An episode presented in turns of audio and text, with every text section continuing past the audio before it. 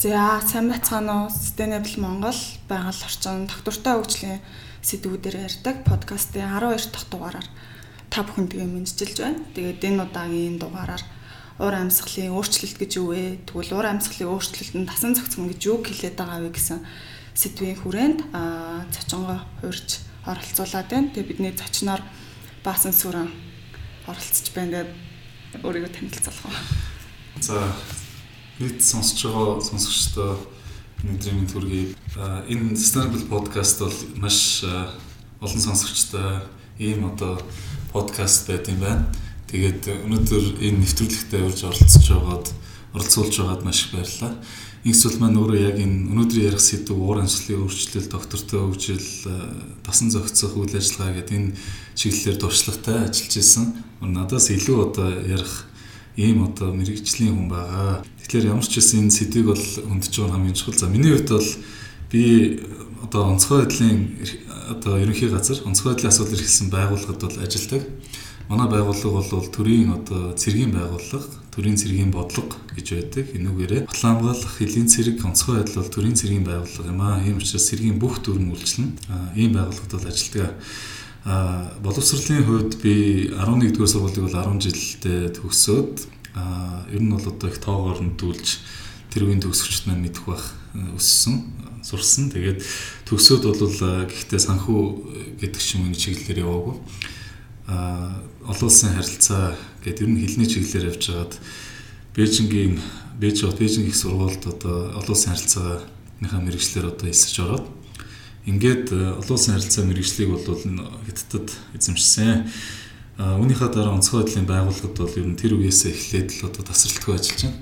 Аа анх л гадаад харилцааны нөгөө мэрэгчлэлтэн гээл байдаг шүү дээ. Бүх салбарыг нөгөө хариуцсан юу салбар болгонд гадаад харилцааны нэгж байдаг. Тийм байдаг тийм. Манайх ч ялангуяа олон улсын төсөл хөтөлбөр янз бүрийн их хэрэгждэг шүү дээ. Тэгээд манай байгууллага бол харилцаа их сайтай. Одоо бүр улам өргөжж байгаа. Тэгээ ийм учраас э, би бол анх тэгж орсон. Тэгээд ер нь бол анх нөгөө протоколын ийм ойр сурын ажил хийж байгаа. Тэгээд ингээд явандаа бол яг одоо ер нь энэ салбарын гадаад харилцаа ер нь гамшигаас хамгаалах гэж юм те. Тэгээд уур амьсгал гэж юу вэ гэдэг чиглэл рүү сонирхож тэгээд дараа нь бол Австрали руу ажиллаж байгаад тэгээд Австрали руу бол 2 жил явсан. Би Австралийн үндэсний сургуулийг төгссөн. Уур амьсгалын өөрчлөлтөөр мастер хамгаалсан. Тий, яг Master of Climate Change-ээр төгссөн. Фрэнк Чоцо гэж э, мундаг профессор байдаг. Яг нөгөө IPCC гэж репорт байдаг да. Тий, дараа нь дэлгэрэнгүй ярина. Тэгээд уншиг гэвэл энэ хүний олон нийтлүүд байдаг. Тэгээд манай хэсэл мэдж байгаа хаа 17 оны ихээр ирээ. Тэгээ одоо бол амшигын эрслийн удирдлагын газар гэж манайх эрслийн менежмент тийг одоо хэрэгжүүлж шинэ ийм одоо тогтолцоо руу ингэж орж байгаа. Тэгээ яг энтэй холбоотойгоор манай газрыг бол байгуулад энэ газартаа бол ажиллаж байгаа. Ер нь хойштойч тууштай ажиллана гэж ингэж боддог. Аа тэгээд ер нь бол одоо тэгэл одоо эргээд ажилдаа ирэх ороод их сайхан байна. Монголд өөрийгөө төвч танилцуулахад тийм байна. Тэгэхээр ур амьсгалын өөрчлөлт тогтвортой хөгжилтөө яаж холбогдоод байгаа вэ гэж бас хүмүүс төдийлөө ойлголтгүй байж магадгүй байх л та. 2030 он хүртэл тэгээд дэлхийн нийтийн хөгжлийн чиг хандлага доктортой хөгжлийн 17 зорилгын дагуу явхаар тэгээд нэгдсэн үндэсний байгууллагын гишүүн орнууд дуу нэгтгэр энэ үйл явдлыг хүлээн зөвшөөрөөд гарын үсэг зорсон томоохон үйл явдал болоод одоо бараг 3 жил болж байна тий. Тийм тэгэхээр үүний 13 дахь зорилго нь уур амьсгалын өөрчлөлтийг зогсооё гэсэн зорилго байгаад байгаа. Тэгэд манай улсын хувьд гэх юм бол яг нэгдсэн үндэсний байгууллагын гишүүн орн болохоор яг энэ зорилтыг дэмжиж бас уур амьсгалын өөрчлөлтийг зогсооход салбар бүрийн хоорондоо одоо уялдаа холбоотой ажиллагаа тэгээ мөн дээрэс нь тасан зохицоход одоо ямар үйл ажиллагаа хэрэгжүүлээд байгаа вэ гэдэг дээр бас нэг нэлээд одоо нэг мэдээлэлтэй хүн гэж бас бид нэр үзээд байна л та. Монгол улсын хувьд 2030 он хүртэл ур амьсгалын өөрчлөлт буюу яг хүлэмжийн хийгээ 14%-аар бууруулна гэдэг байгаа тий. Тэгээд яг уур амьсгалын өөрчлөлтийг бий болгоход одоо ямар ямар салбарууд ихэвчлэн одоо Монгол орны хувьд байгаад байгаа юм бэ. Тэгээд энэ салбар болгон ямар ямар одоо хариу арга хэмжээ аваад үүнд ямар тасан цогцох бодлогод хэрэгжүүлэхээр байгаа юм гэ. Танаас асуувал. За их баярлалаа. Ер нь манай одоо яг подкастыг маань сонсож байгаа сонсогчид залуу хүмүүс ч байгаа тийм ээ. Дунд үеийн одоо төлөөлөлж байгаа олон хүмүүс байгаа.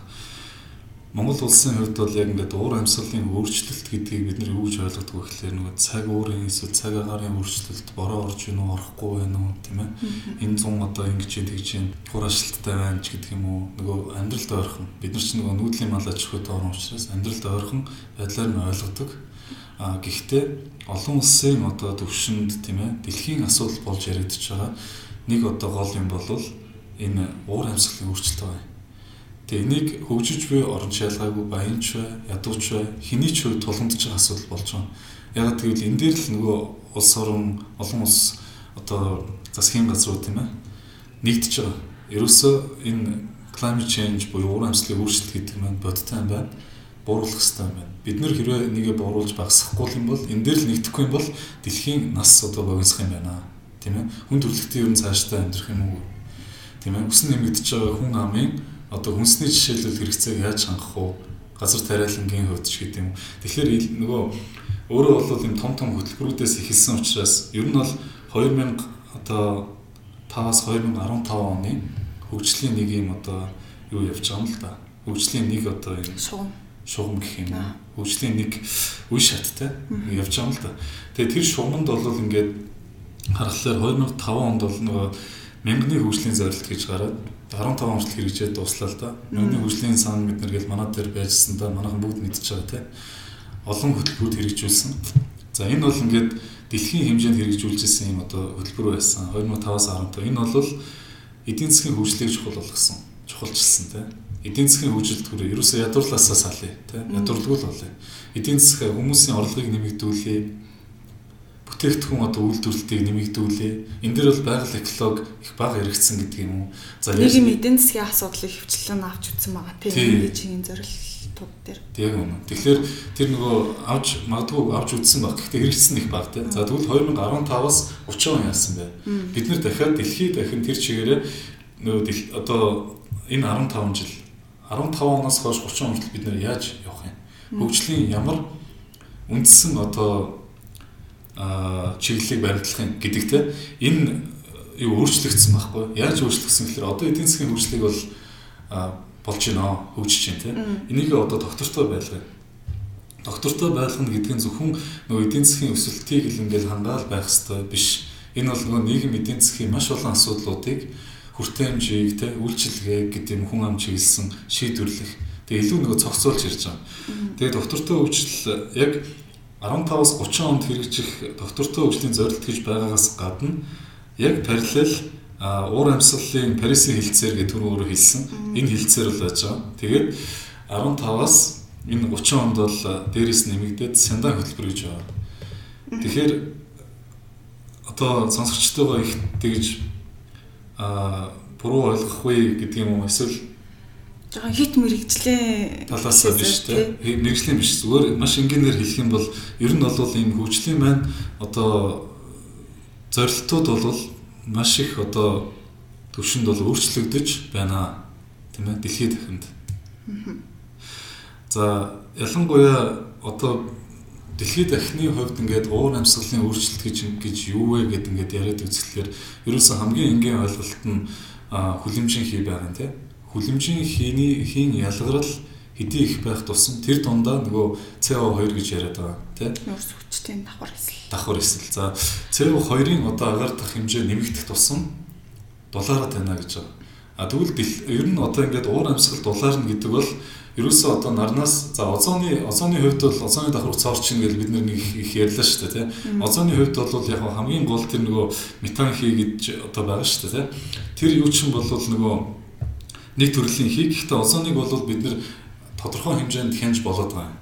Өөрөөр хэлбэл тэр озоны давхарх цоорн байна гэдгээс бас сэргийл харьцангуй гайгүй болоод байгаа. Гэтэл нөгөө дэлхийн ингээд дулаар л маш эрчимтэй одоо явагдаад эхэллээ. Энэ бол нөгөө нарнаас ирж байгаа а одоо засрагтай. Тэгээд бид нар газар дээр бид нар рефлект хийх хийх ёстой байтал, шингээх ёстой байтал буцаад шингээж чадахгүй улмаас буцаж одоо агартаа алдаад тэгэхээр нөгөө нэг агартах нүрс хүчлийн хий чинь нэмэгдээд тэгэхээр хүмүүс ингэж ойлгох юм л да. Одоо нөгөө Мальдивч байд юм уу? PNG нөгөө Папуа шингийн нэгч байд юм уу гэдэг нөгөө далайн орнууд шүү дээ. Энэ орнуудыг ингээд нөгөө далайн төвшнөөс баг одоо адилхан байна. Баг жих гэж энэ арлууд гэж ярьдаг шүү дээ. Тэгээд тэрийг ингээд нөгөө төлөлийн мөс хайлцсан хайлаад ингээд байгаа юм шиг гэж ойлгодог. А гэтэл ихэнх нь бол ерөөсөө нөгөө далаа гэдэг чинь ус усөөрөө тэлдэг. Яг л тэлдэг үг гэхлээр халахаараа тэлдэг. Усны эзлэхэн халахаараа тэлдэг. Халахаараа тэлнэ гэдэг чинь нөгөө далайн усны түвшин нэмэгдэж нэмэгдэж байгаа шүү дээ. Тэгэхээр далайн түвшин нэмэгдэнэ гэдэг чинь бол зөвхөн одоо төлөлийн мөс хайлдаг, мөсөн гол мөнхцөөс мөсөн гол хайлаа гэдгээр ойлгохгүй бас ийм юу байж байгаа. Тэгэхээр энэ арлууд бол дэлхийн түвшинд бол их одоо юу яаж байна. Эсийн үнцэг өртөөд байна те урагшлал өртөл. Тий. Жишээлбэл Малдив ихэл бараг л одоо нэг нэг түвшинд оршиж байгаа шүү дээ. Далайн түвшинтэй. Тэгээд нэг 1 метр ч үлээ те. Тогтвортой хөгжил. Байгаль орчны тухай Sustainable Монгол подкастыг та сонсч байна.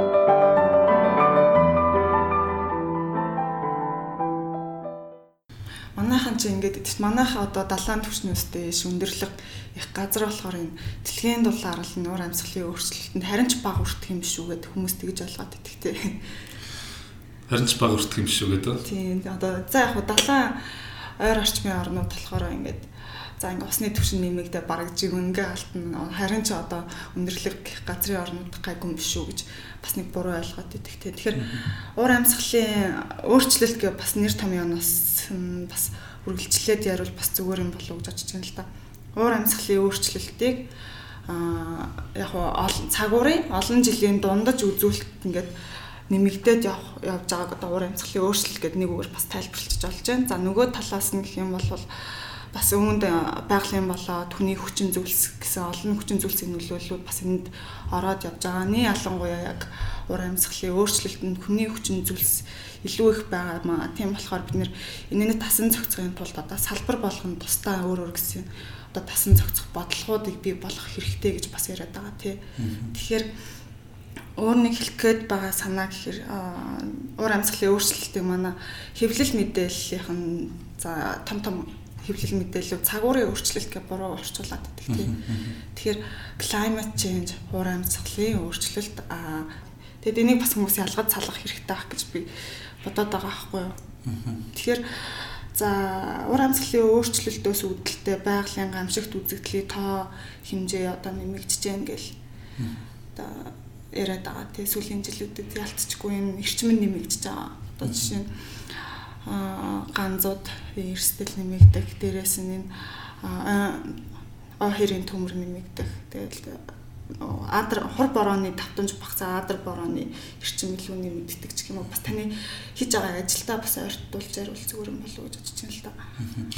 Одоо бол жишээ нь олон улсад яаж юм гэхээр ерөөсөө тэр карбон буюу одоо хүлэмжийн хийг бол яг хэмждэг болсон а тэр CO2-ын агардах хэмжээг бол хэмждэг болсон. Ямар үйлдвэрлэл хамгийн их одоо CO2 нүрс төрөгч хүчлийн давхар эсвэл үйлдвэрлээд байна гэдгийг олоод тогтоочихсон. Ерөөсөө бид нар уурхаа ялангуяа нүүрснээс тийм нүүрс шатааж байгаа. Тэгээд тэрүүгээрээ эрчим хүч үйлдвэрлэж байгаа процесс нь уур амьсгалын өөрчлөлтийг болвол улам эрчимжүүлээд байна. Тийм ээ. Бид нар нөгөө CO2 карбоноо бууруулах гэдэг А гэтэл карбон маань буурч өгдгөө. Яагаад буурахгүй байна гэхэлэр ерөөсөө маш олон одоо жишээлбэл энэтхэг байж байна те. Маш олон одоо юм нүүрсний цахилгаан станцуудтай хятад байж байна. Маш олон нүүрсний цахилгаан станцуудтай. За сүүлийн үед бол энэ ураныг ашиглаад одоо энэ юу эрчим хүч гэж яваад байна шүү дээ. Зэрэгтэрч эрчим хүч цөмийн эрчим хүчийг те эрчим хүчний станцууд гэдээ баригдаж байна. За сүүлийн үед бол инхцэл урд нь ярьжсэн да газрын нөгөө хөвлийн дулааныг ашиглаж эрчим хүч үйлдвэрлэдэг ч гэдэг юм уу те. Ийм олон альтернатив боломжуудыг бол хүн төрөлхтөн гаргаад ирсэн байна. Тэгэхээр заавал одоо тэр уламжлалт нүүрс гэдгээсээ биш бусад аргаар ямар одоо тэгэд карбон гэдгийг ярих юм бол CO2-ыг бол чинь мод мод хүртэл шингээж байгаа. Модны үйлдвэрлэл, цэнэтийн үйлдвэрлэл одоо ямар үйлдвэрлэл гэдэг бүгд шингээж байгаа. Тэгэхээр тэр нөгөө CO2-ын буюу одоо нүрс хүчслийн давхар эслийн тэр одоо агуулмж хаана ямар одоо хэмжээгээр буурч болох вэ гэдгийг судалдаг гэж ойлгох юм уу да тий. Дэлхийд дахинд бол ингээд судлаад эхэлж байгаа. За тэгээд хоёр зүйл байна л да. Нэг нь бол нөгөө нэг уур амьсгалын өөрчлөлтийг бууруулах гэдэг Тэр нь бол одоо шинэ Монгол улсны хамаагүй юм байна. Одоо ягаад гэвэл зүгээр ингээд харах юм бол Монгол улс төр агаар дах нүүрс төр өвчлөлийн давхар эслийг бүрдүүлж байгаа хувийн хэмжээний хувьд бол манай бусад улс орнуудтай харьцуулахад харьцангүй бага тийм. маш бага байгаа тийм. Тэгэхээр хамгийн гол одоо жишээлбэл энэ асуудлын гол гуруут нь хэмбэ гэхээр үн бид нар баруун орнууд гэж үзчихлээ шүү дээ. Барууны өндөр хөгжилтэй орнууд та нар үйлдвэржилт явуулаад тийм энэ бүх одоо балансыг алдуулчлаа. Та нар буруудна. А тийм ч учраас бас ер нь бол нөгөө барууны орнууд чинь энэ Аз руу чиглэсэн хөрөнгө оруулалтыг маш их хийдэг. Хэдийгээр аман дээр ингээд бид нар яг тэрнийхээ компенсашныг өгж байгаа маа бид нар буруутай учраас гэж ярихгүй хэдий ч хөгжлийн тусламж гэдэг одоо ийм тий олон арга замаар туслаад л ирсэн. А одоо бол яаж юм гэхээр эндхийг хятад гээд энэ нөгөө том том улсууд чинь өөрсдөө асуудлаа бий болгоод зогсоож чадахгүй шүү дээ барууны орнууд бол бүгд энэ сэргээгдэгч юм шиг хэлээ. Ялангуяа Европын, Герман, тэ тэгэл Австрали, Америк бүгд шилжсэн. Тэгэхээр эднийг Азууд одоо та нар өөрсдөө асуудлаа шийдээ гэдэг юм руу орж байгаа. Тэгээд бид нар бол яг хуу одоо ингээд энтгэгч бай, хятадч бай нэлээд олон юу хийж ин л да. Одоо хүчин чармаалт гаргаж олон нүүрсний станцуудыг бол хааж байна. Нүүрсний хэрэглээг хоригдж байна, тэ. Уул уурхаан одоо юугаа бол байгаль орчинд ээлтэй болгож байна. Ер нь бүхий салбараа энтгэгч ялгаагүй. Тэгэхээр ер нь хөгжим хөгжлийн параметр бол яг энэ одоо сэргийлэгчийн бүж та хэр ашиглаж байна тийм ээ. Гэдгээрээ тухайн улс хэр хөгжиж вэ гэдэг нь харагдаж байна л д. Монгол улсын хувьд бол дэлхийн дунджаас бол бид нар нэг 0.7 градус гэж явж байгаа. 0. А тэгвэл Монгол улсыг бол яг сүүлийн нэг 70 жилгээ бид нар ярьж байсан шүү дээ. 70 жилээр ингээд аваад үзэх юм бол 2 228 болж нэмэгдсэн. Даруй 3 дахин их гэсэн үг шүү дээ. Тийм нэг дулааны температурыг яриад байгаа шүү дээ. Өөрөөр хэлбэл дунд чинь 22 градус чинь байдаг байсан бол зундаа тий 24 25 градус болчиход байна л гэж. Тэгэхээр яг энэ нөгөө түүхэн индекс бол нэг юм хилээд байна тий энэ заашгүй асуудал мөн үү мөн. Тэгээ бид нар яг юун дээр мэдэрдэггүй гэхэлэр яг түрүүн өөрөө хурд тунцс гэдээ ярьлаа.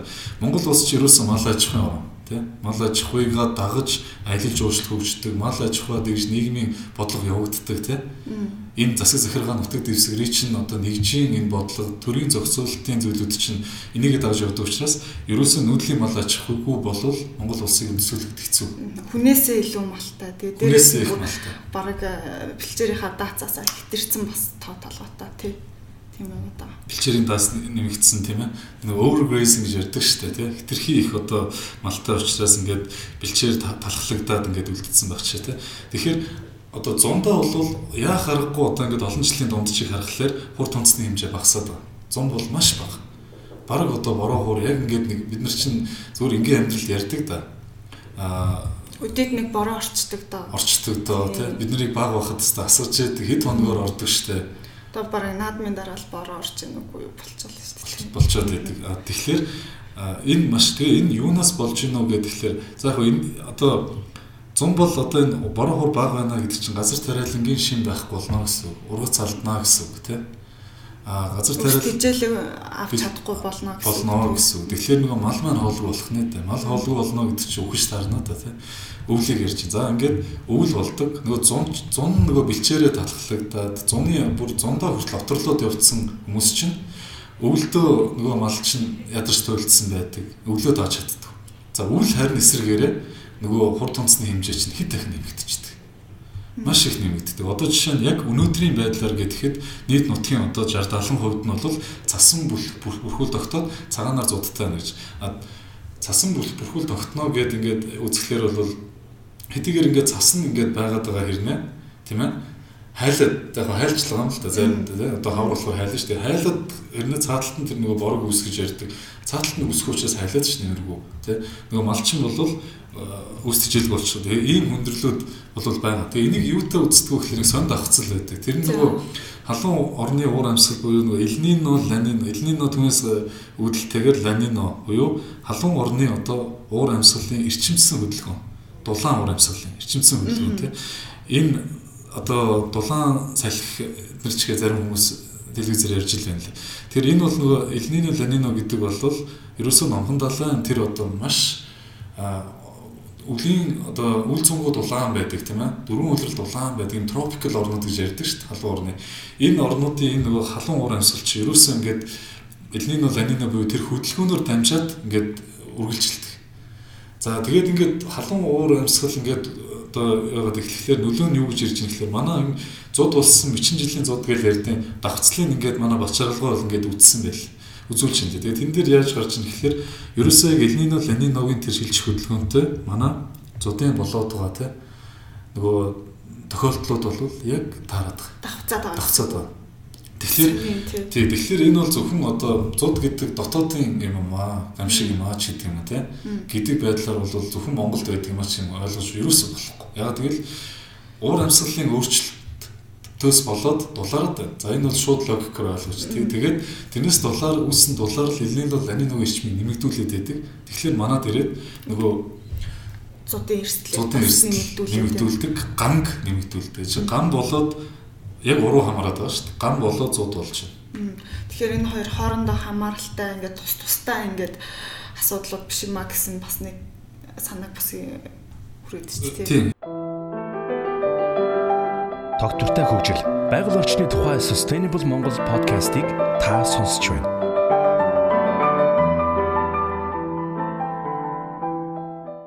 Гол гол санаа нь бол ерөөсөө энэ дэлхийн уур амьсгалын өөрчлөлт гэдгээс Монгол улс бол хаанч одоо тийм ээ тустай байх юмч боломжгүй байхгүй болцоо байхгүй. За тэгээд дасан зохицох гэж юу ярих вэ гэл ингээл энэ нэг зэнд ингээд мэрэгжлийн хүрээний нэр томьёо юм шиг ойлгогдоод байна. Үгүй шүү дээ. Одоо жишээ нь та тийм ээ юунаас гарлаа? Гэрээсээ гарлаа. Гарахын тулд та цагаагаар мэдээ сонсдог тийм. Малчин бол малаа бэлчээхийн тулд цагаагаар мэдээ сонсдог. Тэгжиж бэлчэн шүү дээ. Өнөөдөр бороотой бол та шүхрээ аваад гарна те. Өнөөдөр цастай бол та хувцад улаалаад гарна үстэй. Тэгэхээр тэр цастай байгаа нөхцөлд тэр бол цагаагаар нөхцөл тийм ээ. Тэр нөхцөл та өөрийгөө тохируулж гараад байгаа биз? А хэрвээ дасан зохицохгүй бол та дарах нэ дээ хүлдэх нь байна. Бороонд норох нь байна.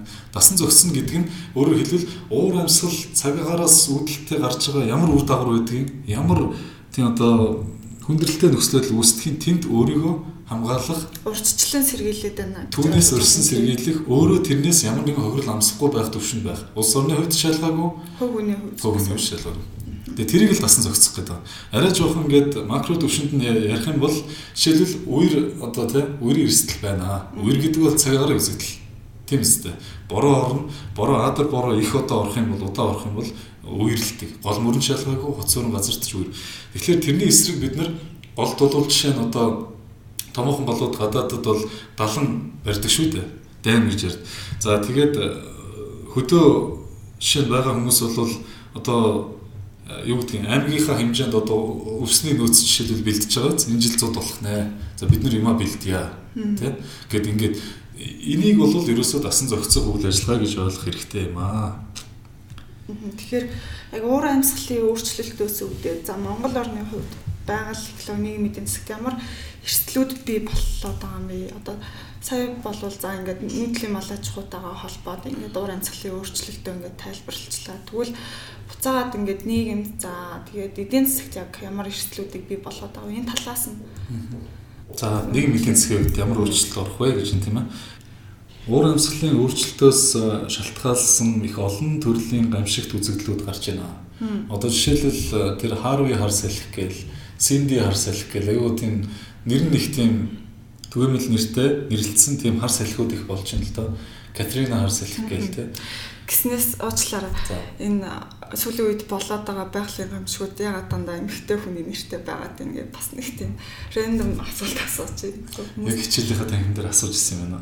Аа багшаасаа тэгээд асууж байхад бол урд нь бол тэр нэг уртраг өргөрөгч байт юм уу тэр нэг хитрхи одоо мэрэгжлийн шинжлэх ухааны талаас нь ингээд нэрлээд те.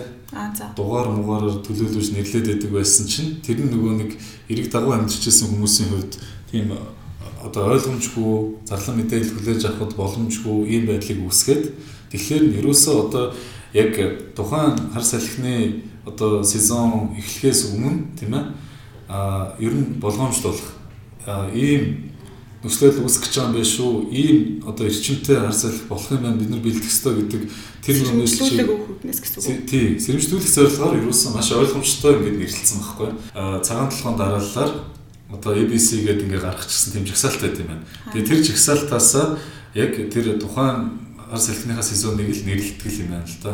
Тэгээ тэр нь хүмүүст илүү амархан зарлал мэдээлэлээ хүргэхэд илүү амархан болдог. Би бол тэр талаас нь сонсч байсан юм байна. Зөв зөв. Тэгэхээр одоо уур амьсгалын өөрчлөлтийн эрсдлүүд гэхээр нийгмийн эдийн засагт бас хэрхэн нөлөөлөд ингээ бас хүмүүс гайхчихж магадгүй л дээ. Одоо зөвхөн удаан ганц байгаль орчны салбарын асуудал юм шүү. Энэ салбарын ханал хийх юм биш үү гэж бас нэг ойлгоод иж магадгүй. Манай орны хувьд яг эрсдлүүд нь яг юун дээр ингээ гарч ирээд байгаа юм бол. Байгаль орчны салбарын ганцхан хийдэг асуудал бол биш л дээ. Яг гэвэл түрүүн зөндөө ярьлаа хоёлаа зуудын нөхцөл байдал манад маш их хүндэрдэгэ гэд. Тэгээ зууд болно гэдэг чинь бол жишээ нь 2009-оос 10 оны зууднаар бол 9.8 сая мал одоо хоригдсан байдаг. Аа тэгээд ер нь нийтдээ одоо Монгол улсад тохиолдсон зуудын гамшигаас нэг за нэг 40 орчим сая мал бол хоригдсан байна гэдэг тоо байдаг байхгүй юу.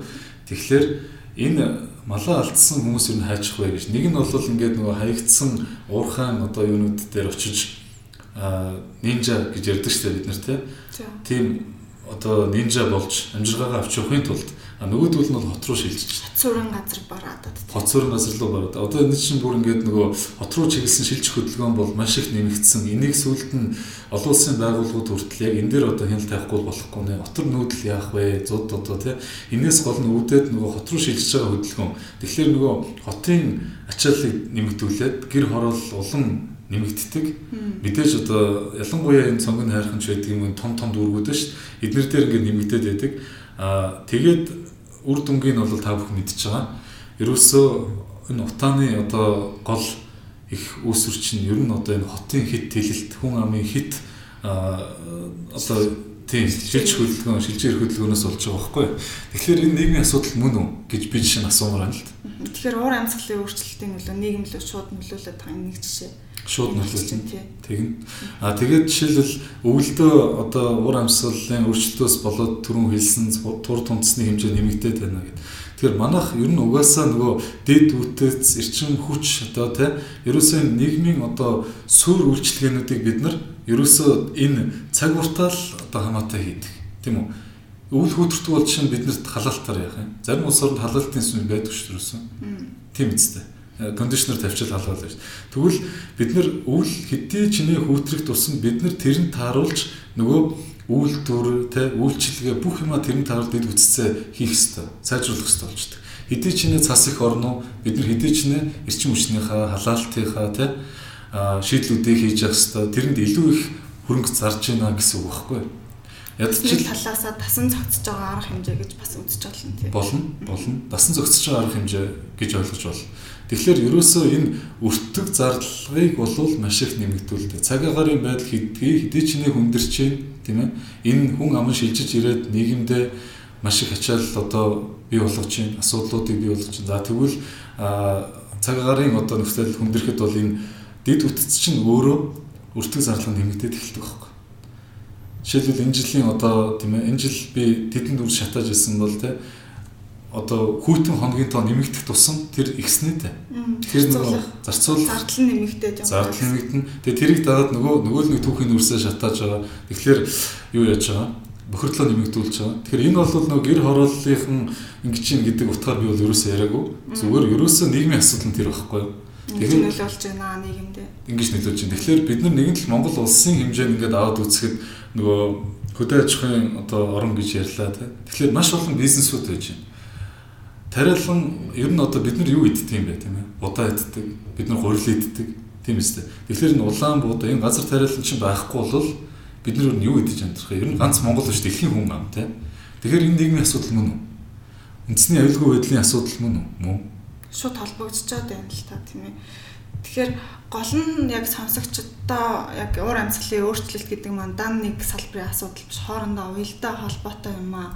Бас энэ талаар бас ойлголттой байх хэрэгтэй. Тэгээд одоо хүссэн хүсээгүй яг уур амьсгалын өөрчлөлтөнд тасан зохицох бодлогоодыг салбар хоорондоо бий болгоод ингээд арга хэмжээ аваад эхэлж байгаа гэсэн одоо мэдээллийг л хүргэх маань одоо энэ подкастын зорилго болчиход байгаа л да. Маш ийм ийм гой зорилго тавьсан нэвтрүүлэгт баярлж байна. Тий. Тэгээ миний яг нөгөө нэг Тогтносон газар маяжлаа гэдэг лөө тэр шиг яг голын нолоод ингээд асууж байгаад бол баяр баяртай байна. Яг тэгэхээр ерөөсөө одоо энэ уйлдахгүй л бол болохгүй. Би гайхдаг байхгүй. Альва салбар юу ямар салбар вэ? Эрслээ тооцохгүйгээр юу нь яаж одоо хөгжил ярих юм бол эрслээ тооцохгүйгээр тэр салбар яаж цаашдаа явах юм бол Жишээлбэл одоо эрүүл мэндийн салбар, эрчим хүчний салбар, барилгын салбар гэх ингээл зам тээврийн салбар. Эдгээр жишээлбэл тэр цаг уурын эрсдлийг тооцохгүйгээр зам бариад байж болох уу? Үгүй яалтчгүй л байгаль орчин нөлөөлөх байдал ч юм уу тэрнтэйгээ холбогдчиход байгаа тийм. Тэрийгээ дагаад зам төсвөртэй байх хэрэгтэй. Дахиад нэг өртөвч нэмэгдэнэ. Байгаль цаг ууртаа төсвөртэй. Цаг ууртаа төсвөртэй байхын тулд өвөлдөө хагарчихгүй, тэ үлдчихгүй зундаа одоо юу гэдэг нэг үрээ зайлуулаад авах боломжтой тий усаа зайлуулаад авах боломжтой ийм хийхин тулд чинь хүртэн нэмэгдэнэ үстэй. Одоо сүүлийн үед бол газар тариалан дээр ярьж байгаа нэг э, climate resilient crop гэдэг уур амьсгалын өөрчлөлтөд дасан зохицох чадвартай ийм нөгөө газар тариалан газар тариалангийн одоо тэр тарианы үр тий буудаан үрийг боловсруулдаг одоо гаргацсан байхгүй. Тэгэхээр тэрийг ашиглаад ямар ч цаг урт эсвэртэй байдлаар хийж болж. Энэ бол дасан зохицох үйл ажиллагаа мөн л дөө. Одоо байгалийн альч бүсэд тариалахад тохиромжтой одоо үүрэг гэсэн үг. Төвшмжтэй үр. Бид нар ногоон байгууламж хот дотор байх хэвээр. Бид нар хүүхдээ салхилуулах парк тавих хэвээр л ярьж байна. Тэр мод ямар нөхцөлд урах вэ? Ямар нөхцөлд урахгүй юм бэ? гэдгээ бодмоор байна. За дахиад яг энэ дээр одоо жишээлбэл нэг гой одоо модтой Монгол орныг л яриад байдаг тийм ээ. Гэтэл нөгөө мод маань одоо ингээд тогтвортой хөгжил байгаль орчны тухай Sustainable Монгол подкастыг та сонсч байна.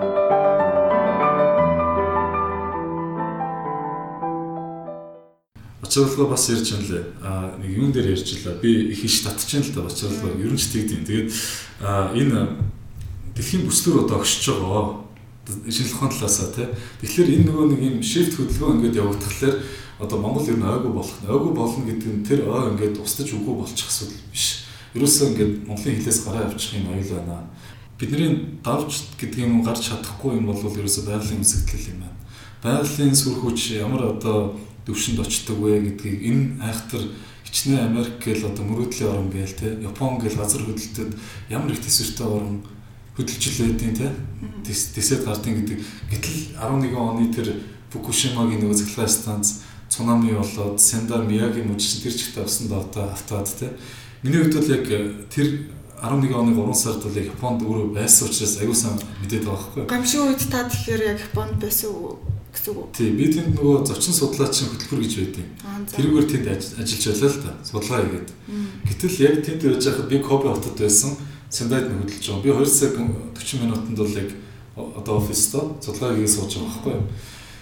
Гэт ингээд э, яг ингээд биеэр ингээд мэдэрсэн. Ер нь бол хөгжил гэдэг бол тийм ээ хязгаарлагдмал юм байна.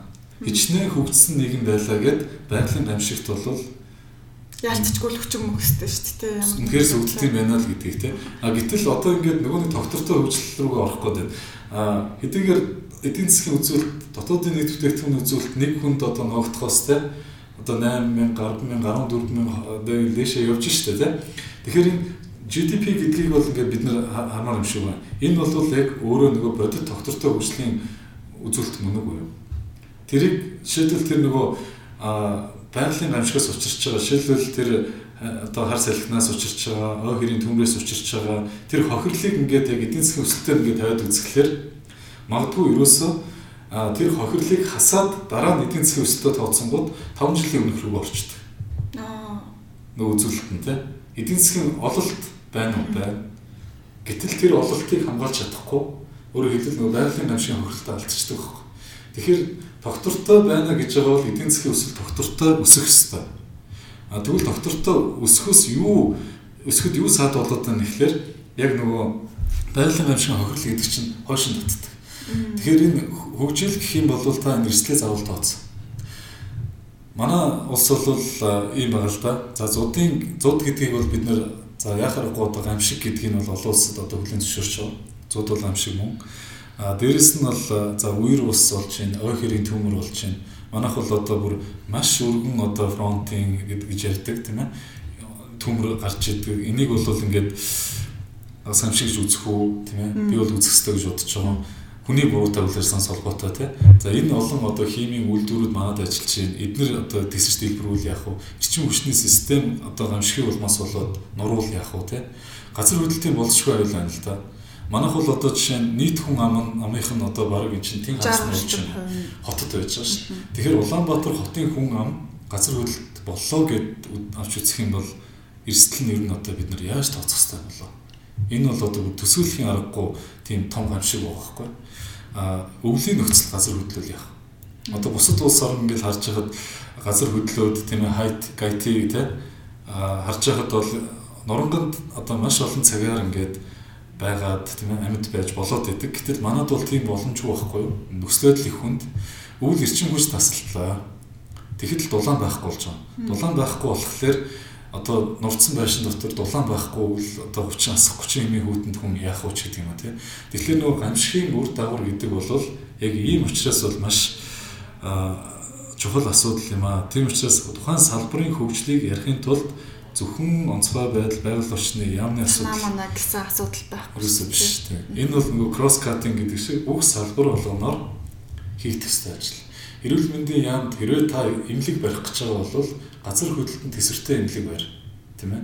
Хэрвээ та хүүхдээ хүмүүжүүлэх гэж байгаа бол уур амьсгалын талаарх ойлголттой тийм а эрсдлийн талаар ойлголттой энэ хүүхдийг бий болгож хүмүүжүүл энэ бол нөгөө зөөлөн дэд үтс талаас.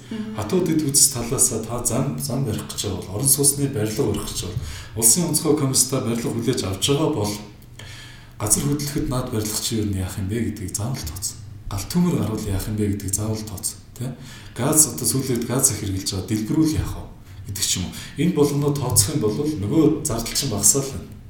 Түрүүнд бид нар яг нийгмийн талаас нь өртөг нөгөө үр ашигын шинжилгээ эднэргээл хийдэг шүү дээ cost benefit analysis гэл тэгээ тэр эднэрээ хийгээд ингээд үзэхлээр болвол урьдчилан сэргийлж ижил бид нар таван туулж байгаа. Тэгээ энэ болгон ч нөгөө дасан зохицгүй ажиллагаа мөн л дөө. Тэгэхээр яг таны ярьж байгааг ингээд дүгнээ дэлгэхэд ингээд доктортой хөгжил ерөнхийн нэг ойлголт өгдөө шүү дээ тодорхойлт гэх юм уу. Нийгэм эдийн засаг байгаль орчин гэсэн гурван салбар нэгin ижил төвшөнд хамтдаа хөгжиж байж доктортой хөгжлийг бий болгох гэх нэг гурван багны онол байгаа гэдэг шүү дээ. Нэг баг нь байхгүй болчихвол одоо тэр одоо юу гэдэг чи доктортой хөгжил гэдэг нэг дээвэр нь ингээд доошоо унцдаг ч юм уу. Яг энэ гурван салбар ингээд хоорондоо ижил төвшөнд ингээд хөгжиж явж иж ингээд доктортой хөгжлийг бий болгоно гэсэн нэг тэр тодорхой бус э, шууд санаанд орж ирж байна л та. Тэр Монгол хүний нэг сэтгхүү байгаад байна л да. Менталити. Тэр нь юу гэхээр ерөөсөө нэргсэн хон хашгируу гэдгийг үлгэр болдог. Дандаа юм ингээд тулаад ирдсэн үед яг ингээд ирмэг дээр нь тулаад ирсэн үед л за би одоо яах вэ гэдэг. Тэ? Зумжингаа одоо тэгэл наадам найр эсч явж байгаа жишээлбэл намар болонгод за одоо өвсөг бэлт нэр юу вэ ус байхгүй юм шүү дээ гэл. Тэ? Арцнаас минь өгдөг үлээ. Мал миндүү. Гэт тэгээд тэрийгээр их одоо манайхан чих манай монголчууд чих тайван хүмүүстэй одоо тэгж байгаа л болно доо гэдэг ийм одоо байдлаар явдаг байхгүй. Тэгэхээр ер нь одоо нэг тийм төлөвлөж сурах тийм ээ а бүр 5 жилээр 10 жилээр ингээд өрх гэрээсээ ахуулаад төрийнхөө одоо хэмжээнд хүртэл төлөвлөж хумаар юм шиг байгаа. А тэгээд төлөвлөн гэдэг бол юмыг юусаа ингээд уйлдаатай харах асуудал өөрөө чинь нөгөө ярьдаг тэр гурван тулгуур багн тийм ээ гурван хэмжээс бодлого гэж ярьдаг тэр байгаль эдийн засаг нийгэм гурав бол ингээд доктортой хөгжлийн яг суурь юм аа энэ суурийг одоо ерөөсөө юу яаж болохгүй хазаалгаж болохгүй. Planetary boundary гэдэг нэг одоо ийм зураг байдیں۔ да. Би хэрвээ одоо юу явал үзүүлмээр байна. Тэр зурган дээр болохоор яадаг вэ гэхээр ерөөсөө хүн төрлөختний давж гიშгэж болохгүй лимит гэж байдаг. Тэгээд тэр давж гიშгэж болохгүй лимиттийг ингээд хуваацмаа л да. Эдийн засгийн байгаль орчны уур амьсгалын тийм олон юм чиглэлүүд одоо байгаа юм. Байгалийн нөөцийн ч гэдэг юм. Тэгээ тодорхой нэг төвшин байдаг. Тогтооч гисэн хэвийн хэмжээгээс давах. Тэгээ хэвийн хэмжээгээс жишээлбэл уур амьсгалын өөрчлөлт гэдэг нь бол улаан асцсан байж байгаа. Улаан асаад удаж байгаа. Тийм болохоор тэр одоо хил хязгаарыг бол бид нэр давчихсан. Давчихсан байдаг. А тэгээ өөр нэг одоо харилцан хамаарал байдаг нь бас юу гэхэлэр нөгөө Кузнецийн мөрий гэдэг одоо хэлэх хүмүүс мэддэг шүү дээ тийм. Инцэл мэдж байгаа. Кузнецийн Кузнецийн мөрий гэдэг бол юу хэлдэг вэ гэхээр нэг юм хамаарлыг үзүүлдэг. Эдийн засаг ингээд хөгжөөл байна тийм ээ. Эдийн засаг нийгэм хөгжөөл авах тусам гамшигын байдаг юм уур амьсгалын өөрчлөлттэй холбоотой охирол буураад байдаг. Тэг яг ингээд одоо харилцан хамааралтайгаар буурчин гэсэн үг тийм. А тэгвэл Монгол улс дэлхийн энэ практикаас бол ер нь холдохгүй л те. Эдийн засгийн нийгэм хөгжиж байгаа бол та яг эрсдлээ тооцож бүх салбартаа тийм ээ дасан зохицох үйл ажиллагааг хэрэгжүүлэх боломж байна. Тэгээ ингээд дасан зохицох үйл ажиллагаа хэрэгжүүлээд эхлэхлээр урт хугацаанд энэ эдийн засгийн үр өгөөж авчирдаг байхгүй юу? Эдгээр шууд одоо 5 төгрөгийг шинэ хөрөнгөний бирж дээр арилжаалал тийм ээ буцаал 15 төгрөг авч байгаа эдийн засгийн шууд ингээд юугаар нь харж болохгүй л дээ. Ер нь энэ одоо төрийн үйлчлэгээ одоо яг энэ байгаль орчин уур амьсгалын өөрчлөлтөд холбоотой хөрөнгө оруулалт байх хэрэгтэй. Нэмжил байх хэрэгтэй. Яг тэгвэл энэ цаана нөгөө эдийн засгийн хохирлыг чинь бууруулж лээд байхгүй юу? Тэгэхээр та 5 төгрөгөөр хямдхан гэж бодоод нэг байшин барьчихыг тэрийг одоо жишээ нь блоккоор модоор юугаар байдгийг те барьчихыг л дээ. Гэтэл гамшиг гардаг тийм ээ аливаа юм болдог гал гардаг шүү дээ хамгийн наацхан. Тэгэхэд нөгөө 5 төгрөгөөр барьсан байшин чинь байхгүй болчихдээ. Нөгөө хөрөнгө оруулалт байхгүй. Тэгэхээр 5 төгрөгөөр тэгж эрсдэлтэй хөрөнгө оруулалт хийжсэнээс 10 төгрөгөөр нэг үсэн сайн барьчих л та тий. Тэгэхээр би яг одоо нэвтрүүлэг дуусч байгаа дээр яг нийт сонсож байгаа хүмүүсээс яг энэ дээр ингээд нэг нэг жоохон тийм бодоод төвлөрөөд тий. Ер нь та өөрөө хөөгнийхээ үед басан зохицож чадахгүй юу? Уур амьсгалын өөрчлөлтөнд та тасан зохицож чадах. Уур амьсгалын өөрчлөлтөнд тийм ээ. Тасан зохицож чадахгүй юу гэдгээ бодоод үзээч. Ер нь би энэ уур амьсгалын өөрчлөлт гэдэг Монгол орнд байгаа иргэний хувьд тийм би яг хангалттай ойлголт мэдлэг байдгүй юу? Болцсохгүй эрсдлийг би тооцож хөрөнгө оруулж чаддгүй юу? Хэрвээ та бизнесмен хүн бол хэрвээ та барилга барьж байгаа бол тийм үйлдвэр эрхэлж байгаа бол ялгаагүй. Би болцсохгүй эрсдлээ тооцож чаддгүй давагдчихгүй хүрсэн зүйлийн байгалийн энэ эрсдлийг бид нэр тооцож чадж гэнэ үгүй юу? За тэгээд одоо гамшигын байдаг юм уу бусад энэ эрсдлүүдийг тооцож чадж гэнэ үгүй гэдэг нэг өрөөсөө асуугаад үзмээрээ асуугаасаа гэж би хүсэж байна. Тэгээд яг энтэй холбоотой санал юмуд дээр бол харилцан ярилцахад бол үргэлж бэлэн байна.